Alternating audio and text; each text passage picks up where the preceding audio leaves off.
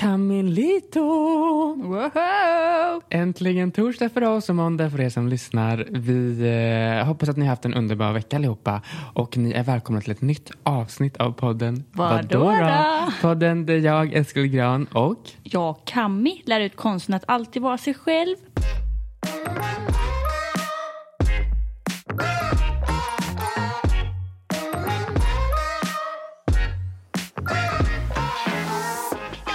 Hur mår du Eskelito? Hur känner Alltså, du inför livet? Den här veckan har varit så bra för jag har nämligen sett en film som heter Game Changers. Och jag har blivit vegan. Nej det har jag inte. Jag har inte blivit vegan. Säg inte det nu, alltså. Nej, nej, nej. Jag, jag ska inte säga att jag blivit vegan men däremot så äter jag plantbaserat. Mm. Och det var så himla inte det. Du, du är inte... Nej.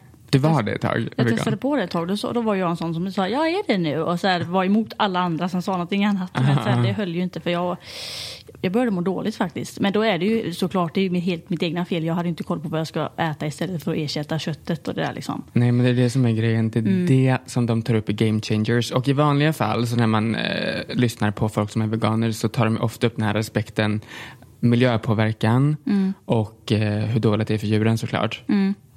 Men i Game Changers så får de så många nya perspektiv som man blir helt inspirerad. Det är faktiskt en anställd till mig, eller till mig och Christian som har rekommenderat den här filmen för han är vegan. Och han gymmar mycket och han är, liksom, han är muskulös och sånt. Och då rekommenderade han då Game Changers och de intervjuar elitidrottare som är eh, veganer. Och att det, de tar upp den här aspekten att det är många idrottare nu för tiden som börjar att eh, bli mer veganer.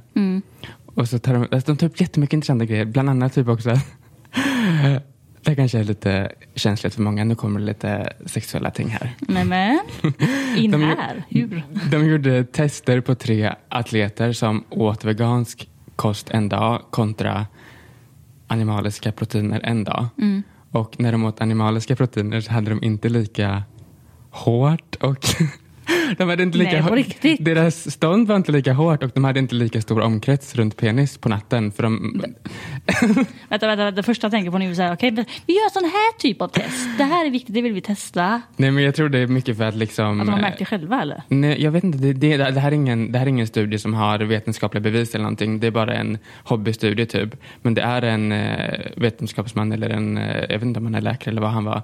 Men han har i alla fall forskat i det här lite själv. Och han har kommit fram till att när man eh, äter animaliskt, eh, animaliska proteiner så har man större penis.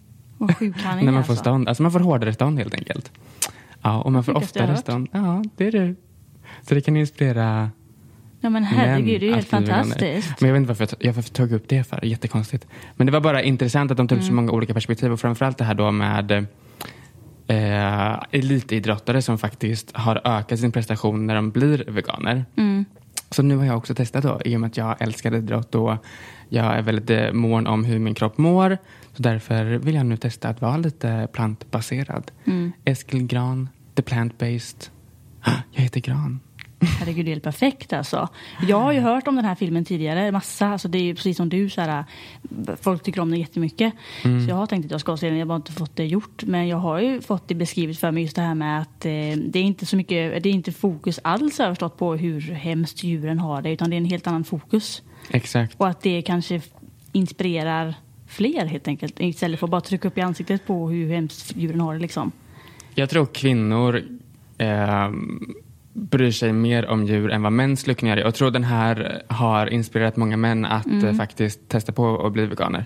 Alltså jag tycker verkligen att det är hemskt det som händer med djuren. Men det blir också intressant när man får ett nytt, nytt perspektiv på det hela. Att det skulle vara en hälsovinning med att bli vegan. För jag har alltid blivit matad av det här att protein behöver man för att bygga muskler och så vidare. Och så vidare. Men det finns egentligen ingenting som säger att det måste vara animaliska proteiner.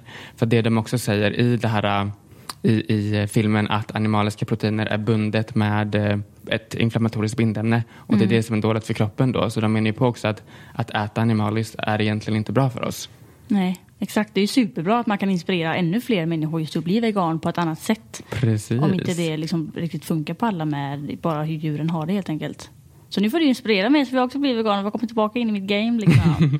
Men du så rolig Camilla, för du äter väl kanske inte... Ja, alltså det är det som när du säger bara. Alltså, du och Christian är verkligen så här, ni tänker på vad ni äter. Så här, jag har aldrig läst på alltså, så här, innehållsförteckning, eller vad heter det? Jag vet inte vad det heter. Jo, det heter det. Vad heter det? Ja. Jag har aldrig läst så här, vad är det för mycket kalorier i den här? Ah, så här? Jag har ingen aning om hur mycket av någonting som är i olika saker. Och jag tänker aldrig på hur mycket jag äter av någonting. Jag är, jag är så omedveten om vad jag stoppar i mig. Så det är, lite, det är verkligen en kontrast där mellan dig och mig med hur... Alltså jag tror att jag hade tyckt om den här filmen. Mm. Men inte så här att jag bara shit nu... Då hade det mer varit för djuren för mig tror jag fortfarande. Ja, precis. Exakt. Det är lite hur man är från början. Visste du, jag måste bara ta upp det här. Visst, jag tror att det var typ 85 procent av alla odlingar i världen äts inte av människor utan det äts av djuren vi föder upp för att människor ska äta djuren. Oj, shit. Fick du lära dig i filmen också? Ja. Jag måste verkligen se den. Det är så sjukt. Maxat. Helt sjukt. Ja, verkligen.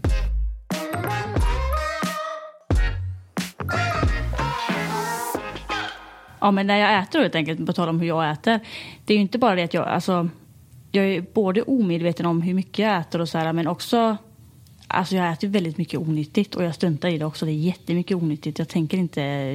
Jag struntar i om det är nyttigt eller inte liksom. Men det är det som är så sjukt för jag är ju med dig ofta och jag förstår inte, alltså jag kan inte förstå hur du kan vara så smal som du är när man, när man ser hur du äter. Alltså det är inget elakt menat men Nej, det är faktiskt helt otroligt. Faktiskt, jag tycker det själv också. Men samtidigt så jag har ju varit det hela mitt liv. Det har jag alltid varit så det är ingenting nytt för, för mig. Och min pappa har alltid varit och är, han är likadan som mig. Eh, eller jag är likadan som honom så att mm. säga. Och eh, vad jag minns så det, jag har aldrig mått dåligt över det. Även om att man har, man har ju fått stå ut med jättemycket elaka kommentarer från folk. Och så här. Alltså, jag, vet, jag pratade nämligen med mamma om detta här om dagen inför det här poddavsnittet. Då, för att fräscha upp minnet lite. Och, alltså jag, när jag var yngre så gick jag mycket i så större kläder. Och så, men det gör jag fortfarande också. Alltså jag gick i så väldigt stora mjukisbyxor och jag hade absolut inte bikinitrosor på stranden. Jag hade alltid badshorts och sånt. Mm -hmm. Så att jag, och det har jag inte tänkt på så nu, typ när du ställde frågan till mig häromdagen. Alltså att jag, att jag har mått dåligt sådär aktivt. Det har väl mer varit som jag fortfarande kan känna ibland om jag ser mig själv i spegeln så kan jag ju ibland tänka bara shit jag är ju så sjukt smal. Alltså det är så här, men jag mår inte aktivt dåligt. Det är så här konstigt, jag kan inte beskriva det. Jag tror att mycket också så här när jag var yngre just att jag hade på mig stora kläder och sånt. Det är lite av bara min stil. Så är det fortfarande också.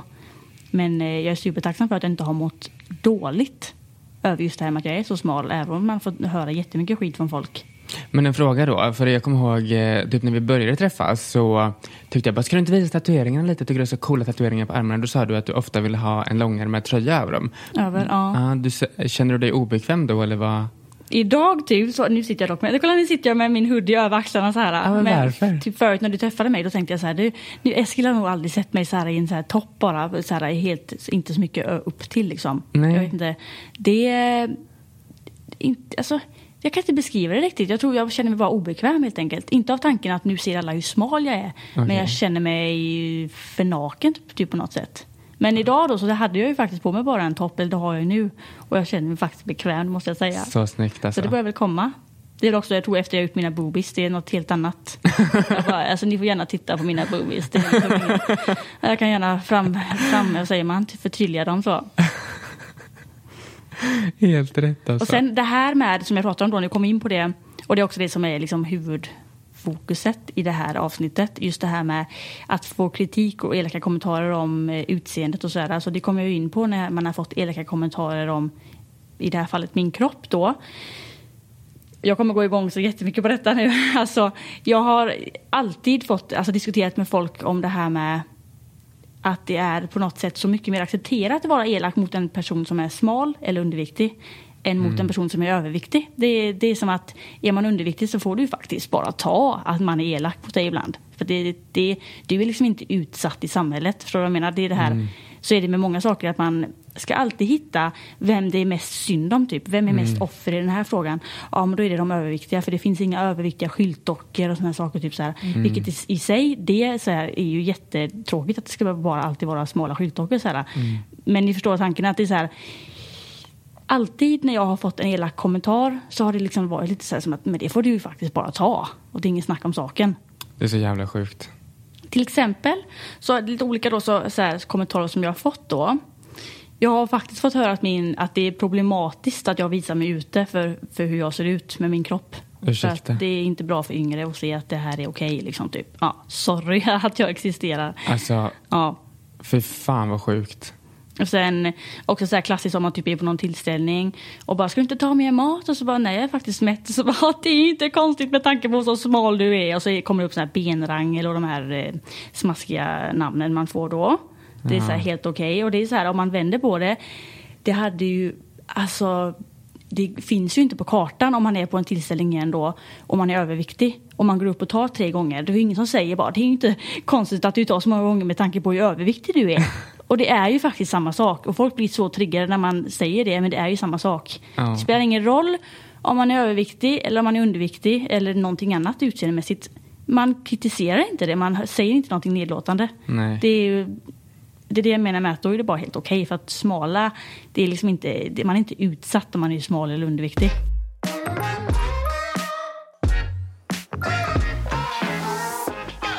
Men det, är så, det finns ju, det är väldigt, det är väldigt, jag ska inte säga modernt, men det är väldigt poppis nu att det finns såna här body positive-konton och mm. jag tycker det är jättefint att alla, eh, alla ska trivas i sin egna kropp. Det är inte där problemet ligger. Mm. Det är mer att människor tar sig friheten att kommentera andras kroppar. Det, kan, det kvittar vad som helst. Har jag en finne på hakan, då vill inte jag höra det av någon. Jag vet mm. att den är där. Jag så, jag, så jag trött ut en dag, då vill inte jag höra att jag är trött ut. Jag vet ja, att jag ser trött du, ut. Du ser trött ut idag. Vad, vad ska jag säga? Ja men förstår, alltså det är helt sjukt. Alltså man ska aldrig någonsin ta sig friheten att kommentera hur någon annan ser ut. Jag tycker det är helt, jag skulle aldrig, visst en komplimang. Mm, ja absolut. Komplimang, varsågod. Men du ska inte, istället för att ge en komplimang, typ om du ser någon bara oj vilken fin kropp du har, då du kanske inte säga gud vilken snygg kropp du har. Mm. För jag tror att en komplimang som är mer typ oj vad glad och sprallig du ser ut idag eller oj vad pigg du ser ut, eller inte pigg kanske, jag vet mm. inte. Men mm. någonting som är mer med personligheten till exempel. Ja jag vet inte. Jag tycker bara inte att man ska ta sig friheten att kommentera någon annans kropp. Jag fattar vad du menar. Och sen på tal om det här med body positive och sådär. Där är det också som att man som underviktig eller smal inte riktigt passar, alltså där har man inte riktigt någonting att göra typ på något sätt. Om jag lägger upp en bild, det har jag gjort ett par gånger och om jag hashtaggar typ bodypositiv så får man höra att liksom varför, var, varför lägger du upp detta, vad är syftet? Du är inte, det är ju det här med om man är förtryckt eller inte. Mm. Det har inte med det att göra, det har, det har att göra med hur folk bemöter en och liksom så här, jag har ju, det har ju varit att folk har skrikit efter mig på gatan, speciellt när jag var, varit yngre. Eh, liksom benrangel och det här spagettiarmar och allt det här. Och som om att det bara är helt okej okay då eller? Jag fattar inte riktigt det, vad skillnaden är. Det, blir då, det känns som att folk tycker att man bidrar till kroppshets då för att man är Exakt. smal. Och sen det här också. Alltså, no hate, inget illa menat med det här, men har du en ätstörning? Bara men herregud, vad är det för fråga? Mm. Man ställer ju inte den frågan. Nej, det är faktiskt helt sjukt. Men folk tar sig friheterna och det är så här, man, det, det, det är också en sån fråga, det ställer man inte till en, det gör man bara inte till en överviktig. Och det händer ju inte. Nej. För det, det är bara så här, det gör man inte. Men till en underviktig, ja det är helt okej. Okay. Där får man bara gå rakt på.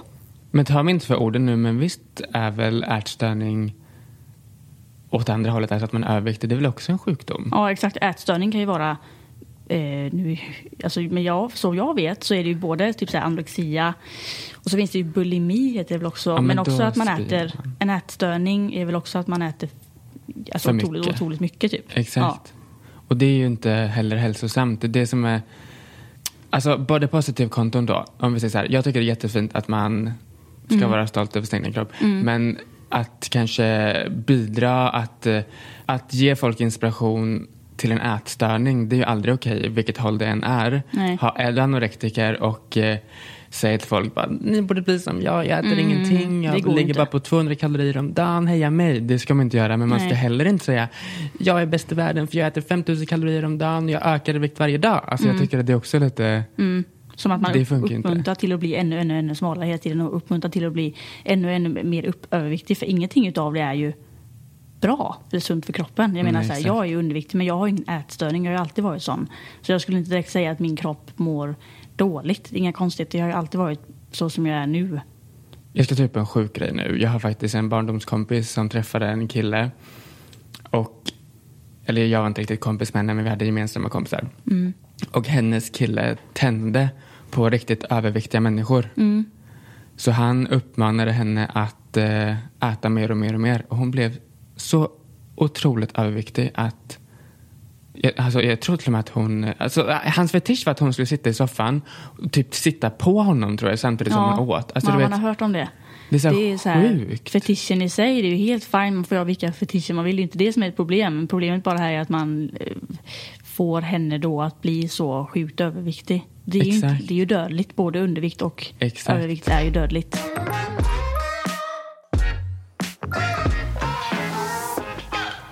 Jag kollade faktiskt upp bara för skojs skull att 2015 så dog 4 miljoner på grund av förhöjt BMI. Mm. Och 10 procent av alla som har anorexia dör. Herregud. Det är så sjukt. BMI, förhöjt BMI, ja. BMI är ju, det är egentligen ganska luddigt för att du kan ha högt BMI av muskelmassa också. Mm. Men BMI indikerar till övervikt. Eh, men det är inte alltid det är, inte alltid det är eh, fetma. Mm. Utan det är ganska luddigt egentligen. Men eh, BMI är ju bara en standard till ens längd och är det ålder? Det är Nej, väldigt längd och, vikt, längd och vikt bara. Ja. Så det är, inte, det är inte det bästa man kan gå på BMI egentligen. Kanske lite bullshit men fetma då. Om Mm. vi säger övervikt i fetma så är det fyra miljoner som Ja, har fattar. eh, gått bort. Jag tänkte på det här med, som jag tog upp, så här, kommentarer jag har fått höra och sådär.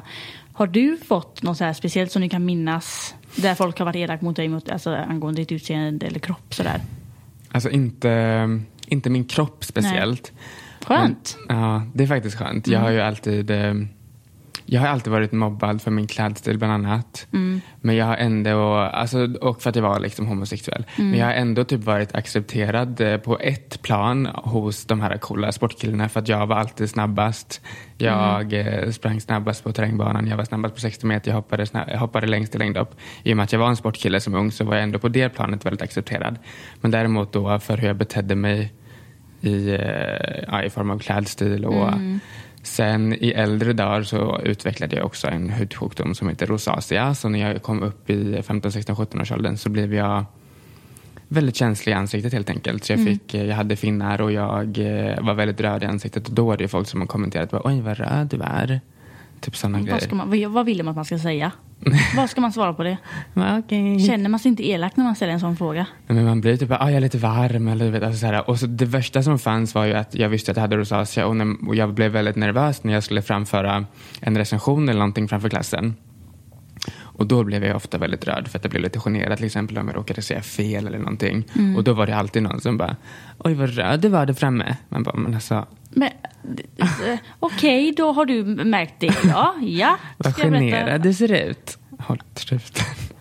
Det är ju också så här, ba- bara man måste verkligen tänka på vad man säger till folk. Man kan inte bara kläcka ur sig vad som helst för saker och ting kan sätta spår.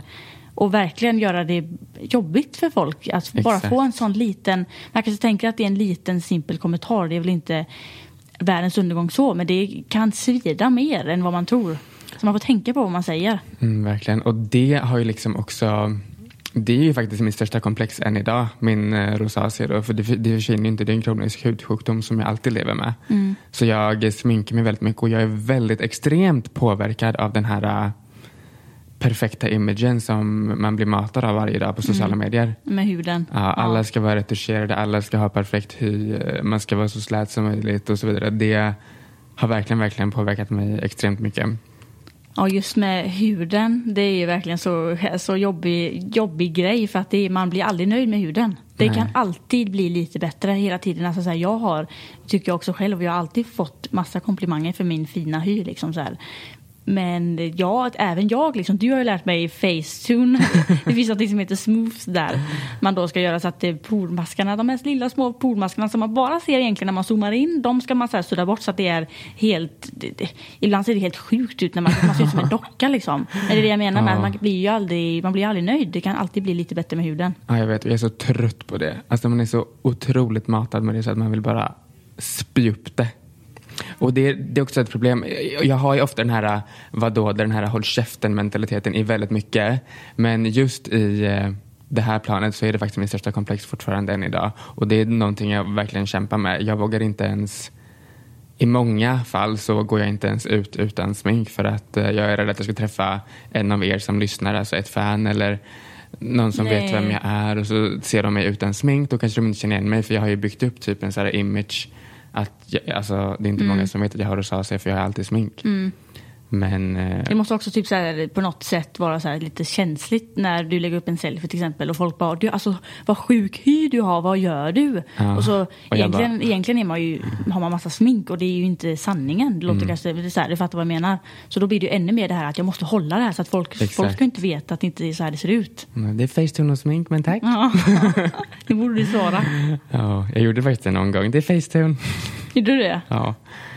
Man får ändå vara sann med sig själv lite. Man kan inte leva i en lögn heller. Jag vet att jag har rosacea och det är ingenting jag egentligen borde dölja. Eller alltså, det går ju inte att dölja. Det finns, Nej. det jag måste egentligen bara komma till det faktumet och leva med det och bara rocka det. Vad tycker du om Facetune på tal om det?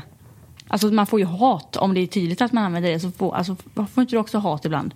Bara, haha, Facetune eller? Jag är ju en väldigt skicklig facetunare. Ja, det är det. det är det som är problemet och jag är inte det då.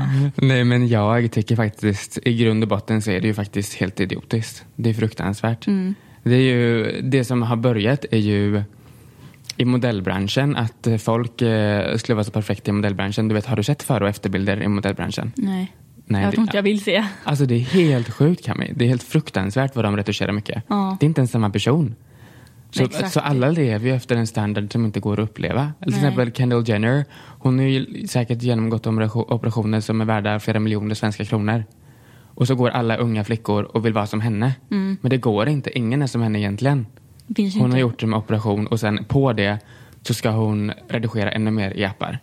Det finns liksom inte egentligen. Alltså då fixar hon typ så här smalare midja och sånt. ja men exakt. det- Och ja. eh, smoothing och allt sånt. Men det är det jag, ty- jag tycker typ det är skillnad på att redigera bort en finne och göra pormaskarna lite mindre synligt än att göra så att man har större, större arsle och så här. Det, Mm. Jag tycker det är lite skillnad på det och fixa till kroppen och sånt. Mm. Sen också är det så här en, Igen, det är du som har liksom lärt mig det här med Facetune och sånt och det är, ju, det är ju lite som en hobby. Alltså jag tycker det är kul Mm, att sitta och fixa och det är inte så att för mig i alla fall så har det inte blivit ett problem att jag tycker att jag är ful utan Facetune. Jag tycker det är en rolig grej. Man kan fixa lite också så med färgerna i bakgrunden. Det behöver inte alltid vara så fokuserat på, på mig. Liksom. Men fixa med bilden så att den blir lite coolare helt enkelt.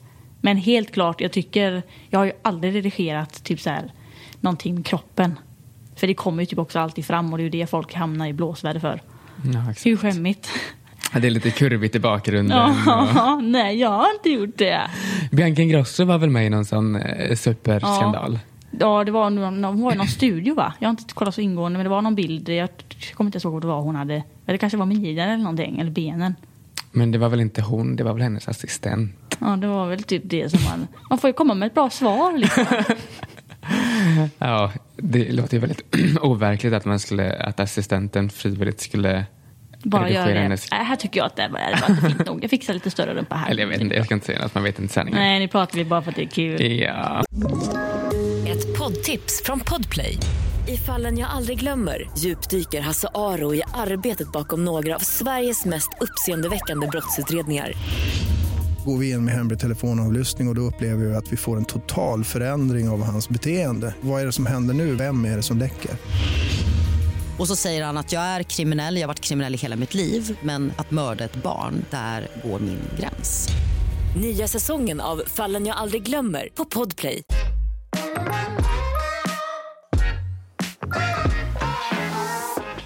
Jag har, på tal om det här med eh, om man har minnen ifrån när någon har varit elak mot en. Så har jag faktiskt en historia. Och det här har jag inte ens berättat för dig Eskelito. Oj, oj. Eh, jag kommer inte ihåg hur gammal jag var men det var ju i min den här festperioden när man var lite yngre. Jag kanske var 16-17 typ. Och så var man ju ibland på fester och sådär. Det var mycket hemmafester för att man fick ju liksom inte lov att gå någon annanstans. Och då var jag och Jeje, ni som följer mig vet om vem det är, det är en kompis med i alla fall. Vi var på någon fest med en massa andra helt enkelt och så var det, det var vad jag minns var det en hel del massa killar helt enkelt. Och så en av dem fick jag lite, jag fick lite till det med honom och så satt vi, Oj. vi satt och hånglade i en soffa. Nej men Cammy. Och det är, så här, det är ganska svårt att återberätta detta men bara för att liksom få fram poängen och sen då hur jag reagerade på det då. Det här var då, ni fattar vad jag menar. Att eh, han, eh, vi satt där och hånglade och samtidigt som vi gjorde det så förnedrade han mig för min kropp Nej. om hur smal jag är. Och hans kompisar, vad jag minns, satt liksom runt om och började skratta. Det, var, det kändes i mitt... Så här, när jag satt där så kändes det som att det var lite planerat. Att de minsann skulle lura mig. Och sen när de väl hade lurat mig så skulle de så här, trycka på en svag punkt. Du förstår vad jag menar. Ja, så det var en lång historia kort. Men det slutade med att jag började ju veva mot honom. Jag gick ju bananas. Oh my god. Men vad Alltså, sa han? Han sa ju bara, alltså det är så sjukt, alltså det är så äckligt smal. Eller så här. Samtidigt som ni? Det, är- ja, det är ju så här, en sak så förnedrande, alltså det jag, blir, jag, jag kokar ju. Det är, så här, det är en sak om, om, jag menar man kan ju ha fetisch också om man tycker om väldigt smala personer och det är helt fint också. Men det här var inte för att han tyckte om det, han ville bara vara elak. Annars hade jag inte reagerat så. Jag blev ju helt, helt galen och började slå på honom och Geje fick ju gå emellan. Jag blev ju helt galen, började veva mot honom så sjukt mycket. Jag blev helt galen på honom. Han blev livrädd och hoppade upp från soffan faktiskt, måste jag säga. Jag tror inte, han, jag tror inte man alltså, förväntar att få en sån reaktion. Att de, de tror nog bara att man ska sitta och bara sluta eller typ skratta eller in- inte säga ifrån. Men det är inte okej. Verkligen Sitt inte och förnedra mig på det sättet och säg en sån kommentar. Och sen låter du dina kompisar sitta och skratta åt mig. Men tror du att det var planerat? Det kändes så i den situationen. Sen också om det inte var planerat, fine. Men det var ändå, det blev som en gruppgrej mot mig när de tyckte att det var kul. Mm. Höll du på med Youtube då?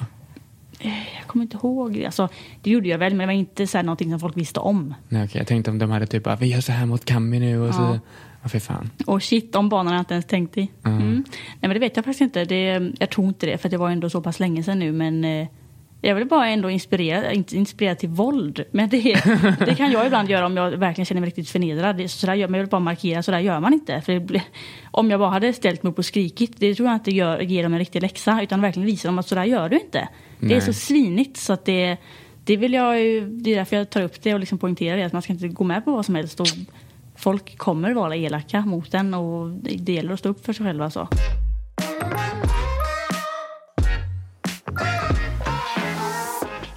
Så att summan av kardemumman av det här avsnittet det är ju att helt enkelt man ska tänka på vad man säger till andra.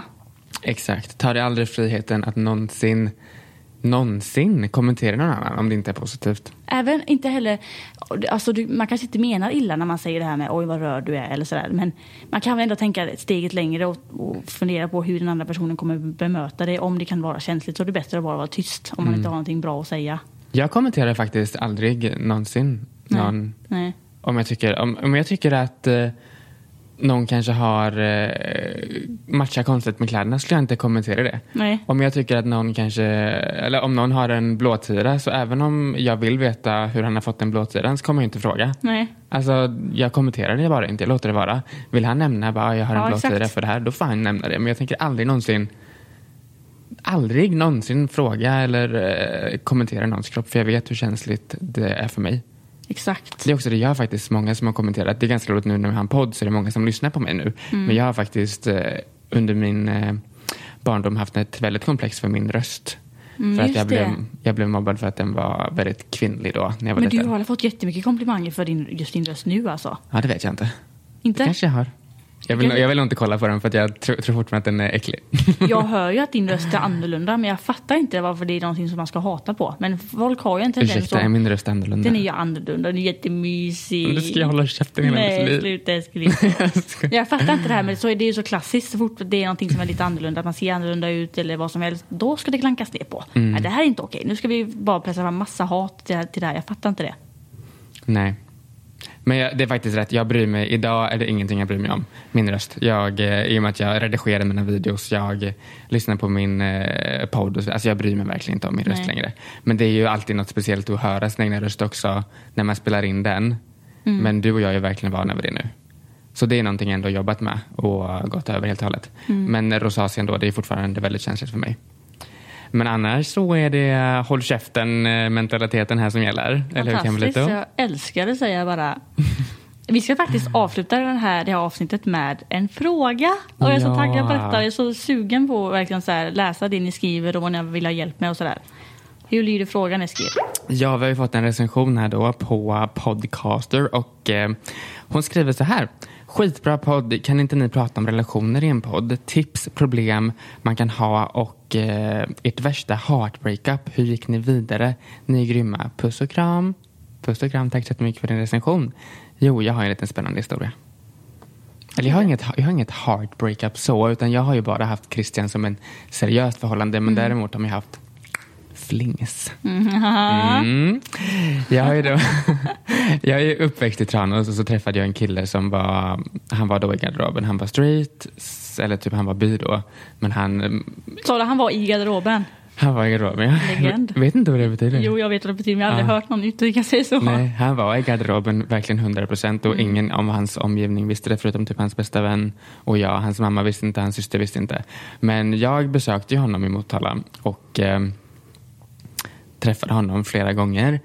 Och det blev ju alltid så här när vi träffade hans mamma så sa ju han Ja, men kan du inte ta av dig glasögonen? Du ser straightare ut då. Eh, ja, men kan du inte försöka prata lite mer manligt när du är min mamma? För då låter du inte lika gay. Och så tydligen då så hade jag inte varit tillräckligt straight en dag. Så mamman hade frågat bara, eh, du, han Eskil, är han homosexuell? Och då hade han sagt och bara, nej absolut inte mamma. Varför frågar du? Varför tror du det? Han är jättestraight. uh. Jag menar, alltså det är så himla konstigt för vi sov tillsammans i samma säng och sånt. Så jag förstår inte. Och hans mamma sov i rummet bredvid och hans syster sov i ett annat rum. Liksom. Så det var jättekonstigt. Men det var i alla fall, eh, han, han ville verkligen ändra mig. Så jag eh, kände bara nej det här är inget för mig så jag lämnade honom. Men sen eh, när jag träffade Christian då som jag är tillsammans med idag så sa jag verkligen i början av vårt förhållande, alltså om du någonsin försöker ändra mig eller försöker säga till mig att jag ska vara på något annat sätt då kommer det här aldrig bli någonting bara så du vet det. Det är helt rätt. Och han bara okej okej. Så nu eh, är jag mig själv 100 procent. Ja, han har hållit det, eller? Ja, han Ja. eh, älskar det. Jättebra. Man får vara öppen när man ska ha en ny relation med någon så måste man alltid vara ärlig. Och så, så här ligger det till, Mm. Funkar inte det här för Ja. dig så kommer det inte kunna bli någonting. Exakt, och så just det här, ja, precis när vi pratar om det här med relationer. Som du säger, det är superviktigt tror jag när man går in i en relation med någon att man vet vad man vill ha. Det kan ju såklart bli, bli bra ändå också men just att man inte går in i en relation och så är man så, liksom så här att man bara vill ha en partner typ på något sätt och så man vet inte riktigt vad man vill ha en partner och så går man bara in i det och sen så blir det bara så knöligt för att man märker med tiden att man inte riktigt passar ihop. Och, och det här är liksom menat lite mer till när man blir lite äldre. Nu är inte jag jättegammal heller men jag vill ändå gärna ha en seriös partner. Liksom så här, det, när man är yngre tycker jag bara man ska köra och testa på. Liksom. Det är inte så noga. Men sen så tycker jag liksom det är viktigt att man tänker på vad vill jag ha en partner? Vill jag liksom att eh, ja, vad ska man säga, att personen ska älska att äta ute, älska att campa, vill jag att personen ska eh, gamea, alltså så här. Mm. Det låter kanske dumt men det spelar jättestor roll. När det väl Självklart. kommer till kakan.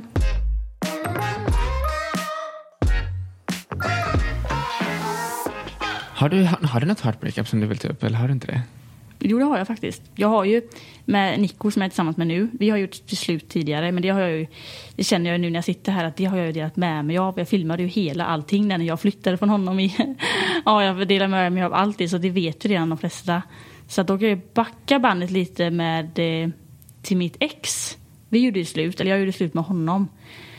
Och det, jag har inga hard feelings mot honom idag. Så att nu måste jag också tänka mig för här vad jag säger. Jag vill inte så här, det är inte att jag ska hänga ut någon eller sådär. Men jag kände mig i alla fall sviken. Och jag tyckte inte att han var, ska man säga, lojal nog mot mig. Eh, Är det här någonting du har pratat om innan? Nej. Okej. Nej, jag haha smaskigt. Oj. Nej, det är därför jag menar, jag vill inte säga, jag hänger inte det att jag ska hänga ut honom och sådär nu. Men det var ju mitt värsta heartbreak just för att jag kände mig sviken. Och att han inte fattade det. Mhm. Eh, sen att man, alltså jag menar man kan ju gå igenom heartbreak för att man bråkar mycket och sådär. Men det, där var det verkligen att jag ville ju så gärna men han fuckade upp det rent ut sagt. Mm. Så det var det värsta. Hur gick det vidare då?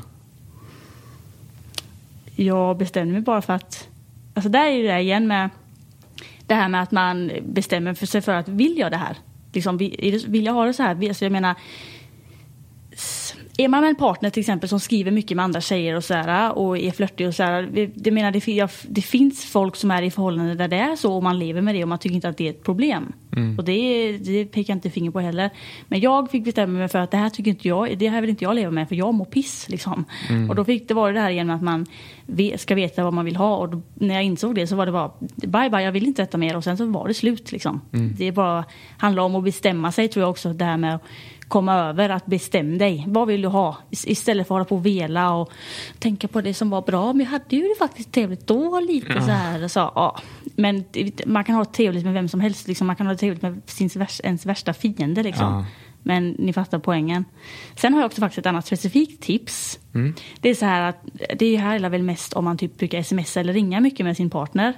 När man gör slut, då är ett sjukt bra tips att ändra signalerna, ändra sms och ringsignal.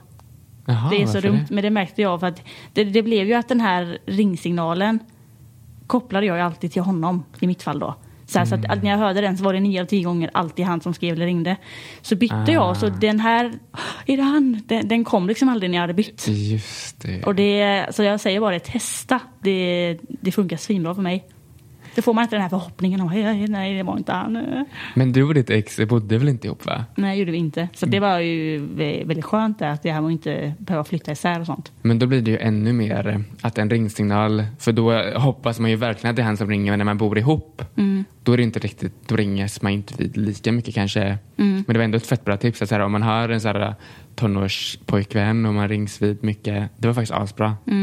Och sen tror jag också att det, det är hemskt att gå igenom heartbreak. Alltså det är det värsta. Det känns typ som att det gör ont på en. Alltså så här på riktigt som att någon hugger av en liksom så här i armen typ. Det, man känner sig helt förstörd. Men sen, sen tror jag också på att om man gör slut, har jag ju också gjort slut med Nico som jag är med nu, men vi har ju ändå funnit tillbaka till varandra och det har blivit superbra. Så att just om det tar slut med en person så tycker jag också att man liksom inte ska försöka lägga man ska liksom inte försöka förneka det på något sätt och bara försöka ändå. För att nu, nu känner jag ju honom att nu försöker vi göra det bästa utav det. Så här, för att fatta det då att det kanske är någonting, det kanske inte är menat att det ska vara ni två. Och det gör jag så glad för att jag fattar det då. För sen träffade jag ju Nico och det är jag ju superglad för idag. Ja. Även om att jag kände då när det hände så var det så här, man känner ju att hela ens jord går under liksom så här. Men nu har jag träffat Nico och det är ju tio gånger bättre. Han har ju mer av det jag vill ha helt enkelt. Exakt. Det gäller att ställa krav. Vad vill jag ha i en partner? Precis.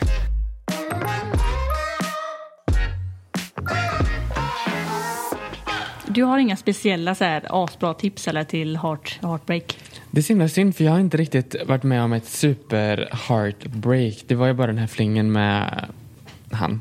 Och man vill typ säga hans namn för han var en fucking douche. Alltså jag vill bara outa honom men det gör jag inte. Man stör sig lite på dig Eskil på det sättet att du har hittat det var Christian och han är helt perfekt och ni har varit tillsammans hur länge som helst och liksom så här, du är jätteung. Hur ofta händer det? Säger jag bara. Men jag tror också att jag är eh, äldre än vad jag kanske...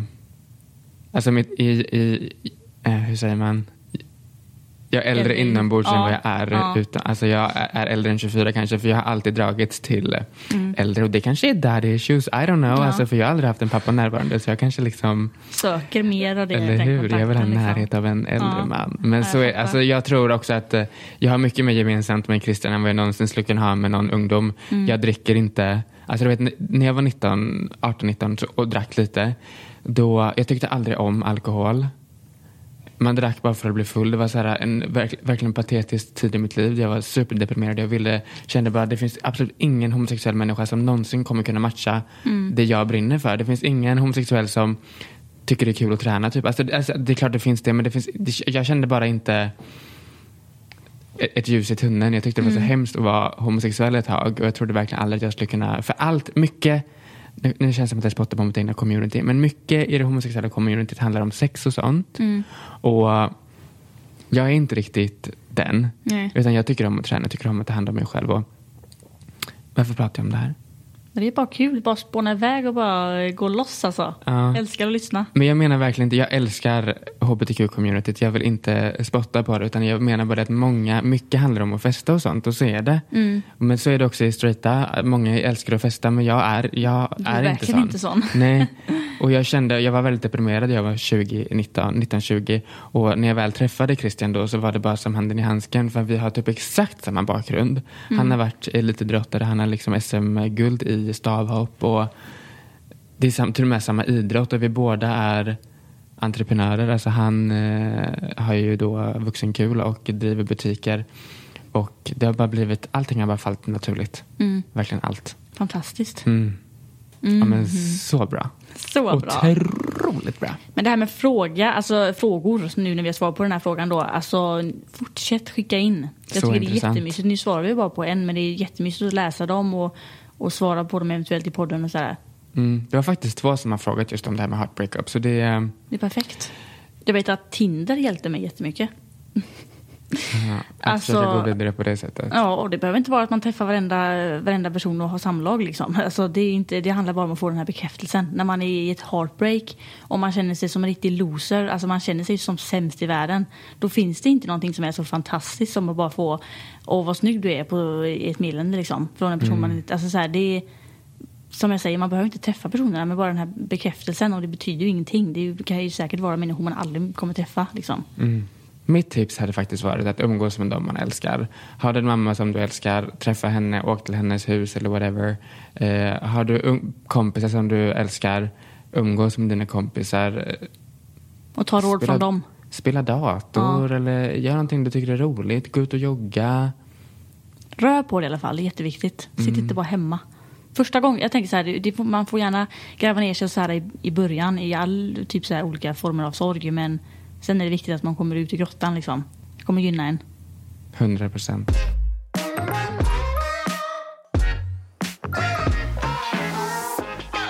Hur gör man då Eskilito om man har en annan fråga om man vill ställa den till oss?